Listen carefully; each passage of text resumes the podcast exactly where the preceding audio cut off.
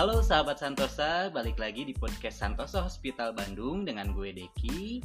Ya, sesuai dengan uh, janji gue di episode sebelumnya, gue hari ini bakal ngebahas tentang pengalaman gue berobat di Santosa Hospital Bandung Sentral. Nah, sebelum berobat atau uh, sebelum konsultasi bertemu dengan dokter, tentu saja ada tahapan-tahapan atau proses yang harus dilewati. Salah satunya yaitu pendaftaran pasien rawat jalan. Nah, di sini telah bergabung dengan Teh Reni Kusdini, di mana beliau adalah petugas pendaftaran rawat jalan Santosa Hospital Bandung Sentral. Mangga Teh Reni bisa memperkenalkan diri ke sahabat Santosa. Hai sahabat Santosa, perkenalkan saya Reni Kusdini dari bagian pendaftaran rawat jalan Santosa Hospital Bandung Sentral. Nah, Teh Reni, di sini saya mau uh, nanya nih Teh sebelumnya untuk jenis pendaftaran uh, pasien rawat jalan di Santosa Hospital Bandung Sentral ini ada berapa sih teh? Uh, sebetulnya untuk pendaftaran rawat jalan di Santosa Hospital Bandung Sentral ini terbagi menjadi tiga bagian besar. Uh, yang pertama ada pendaftaran rawat jalan pasien umum, yang kedua ada pendaftaran rawat jalan pasien asuransi atau penjaminan perusahaan, dan yang ketiga ada pendaftaran pasien rawat jalan uh, JKN atau BPJS.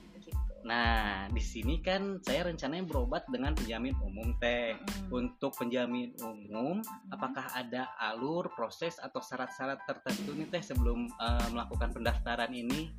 Uh, sebetulnya simpel banget Kang Deki. Kalau Kang Deki mau berobat ke Santosa Hospital Bandung Sentral dengan penjamin pasien umum, Kang Deki tinggal datang ke kita di pendaftaran lantai 2.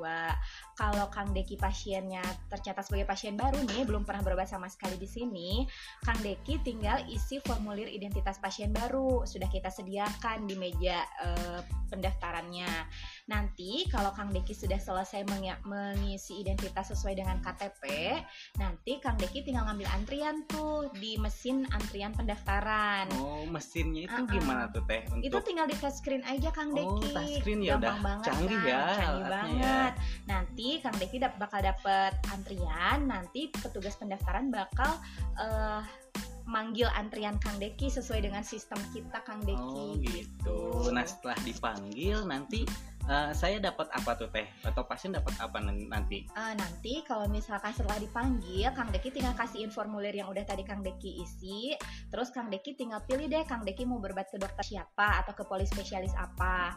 Nanti setelah itu uh, kami input datanya kemudian Kang Deki bakal dapat uh, bukti pendaftaran. Nanti Kang Deki tinggal ambil bukti pendaftaran itu dan Kang Deki bawa deh ke poliklinik yang Kang Deki oh, tuju gampang gitu. banget kan? Simple ya teh. Iya. nah ini kan kita posisinya ada di lantai dua nih Tereni. Hmm. Untuk lantai dua ini uh, seluruh pendaftaran dapat difasilitasi uh, atau ada uh, khusus pendaftaran apa nih Teh? Uh, sebetulnya kalau di lantai dua itu kita uh, pusatkan untuk pendaftaran pasien umum dan pasien asuransi atau jaminan perusahaan Kang Deki. Hmm. Kalau untuk penjamin JKN atau BPJS itu kami pusatkan di gedung S-Wing. Oh gitu, jadi beda uh, gedung ya, ya jadi nggak terjadi gedung. penumpukan Betul. gitu ya, apalagi di era pandemi ini kan kita harus social distancing ya Teh Reni ya. Karena kami selalu mengharapkan pasien tetap nyaman untuk uh, berobat di sini oh, gitu, gitu Kang Deki. Nah ini Deki lihat juga teh hmm. ada uh, semacam apa ya pembatas gitu di meja-meja pendaftaran itu untuk apa sih teh sebenarnya teh? Betul Kang Deki seperti yang kita tahu di masa pandemi ini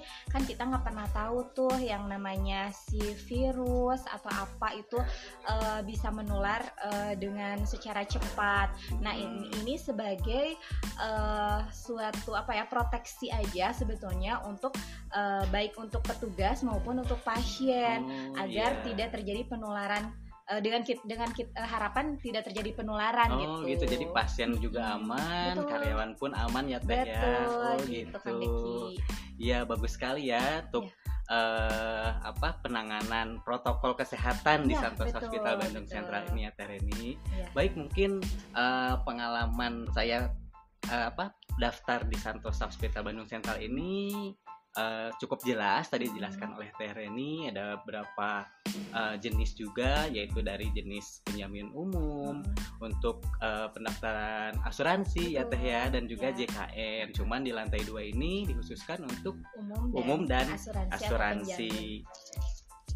Nah sebenarnya sahabat Santosa saya juga sempet nih buka-buka aplikasi Santosa Pasien. Mungkin Teh Reni bisa kasih bocoran dikit nggak nih Teh tentang Santosa Pasien ini gimana? Iya betul banget Kang Deki. Kami sarankan sih alangkah lebih baiknya sebelum Kang Deki datang berobat ke Santosa Hospital Bandung Sentral, Kang Deki pastikan dulu ketersediaan jadwal dokter yang ada di kami.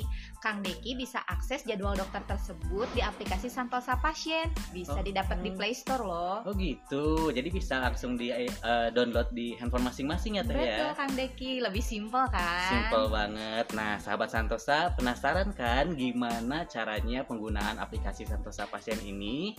Jadi terus dengerin uh, podcast Santosa Hospital Bandung ini dan jangan lupa follow podcast Santosa Hospital Bandung dan, dan juga media sosial kita di Instagram dan Facebook. Terima kasih telah mendengarkan podcast Santosa Hospital Bandung.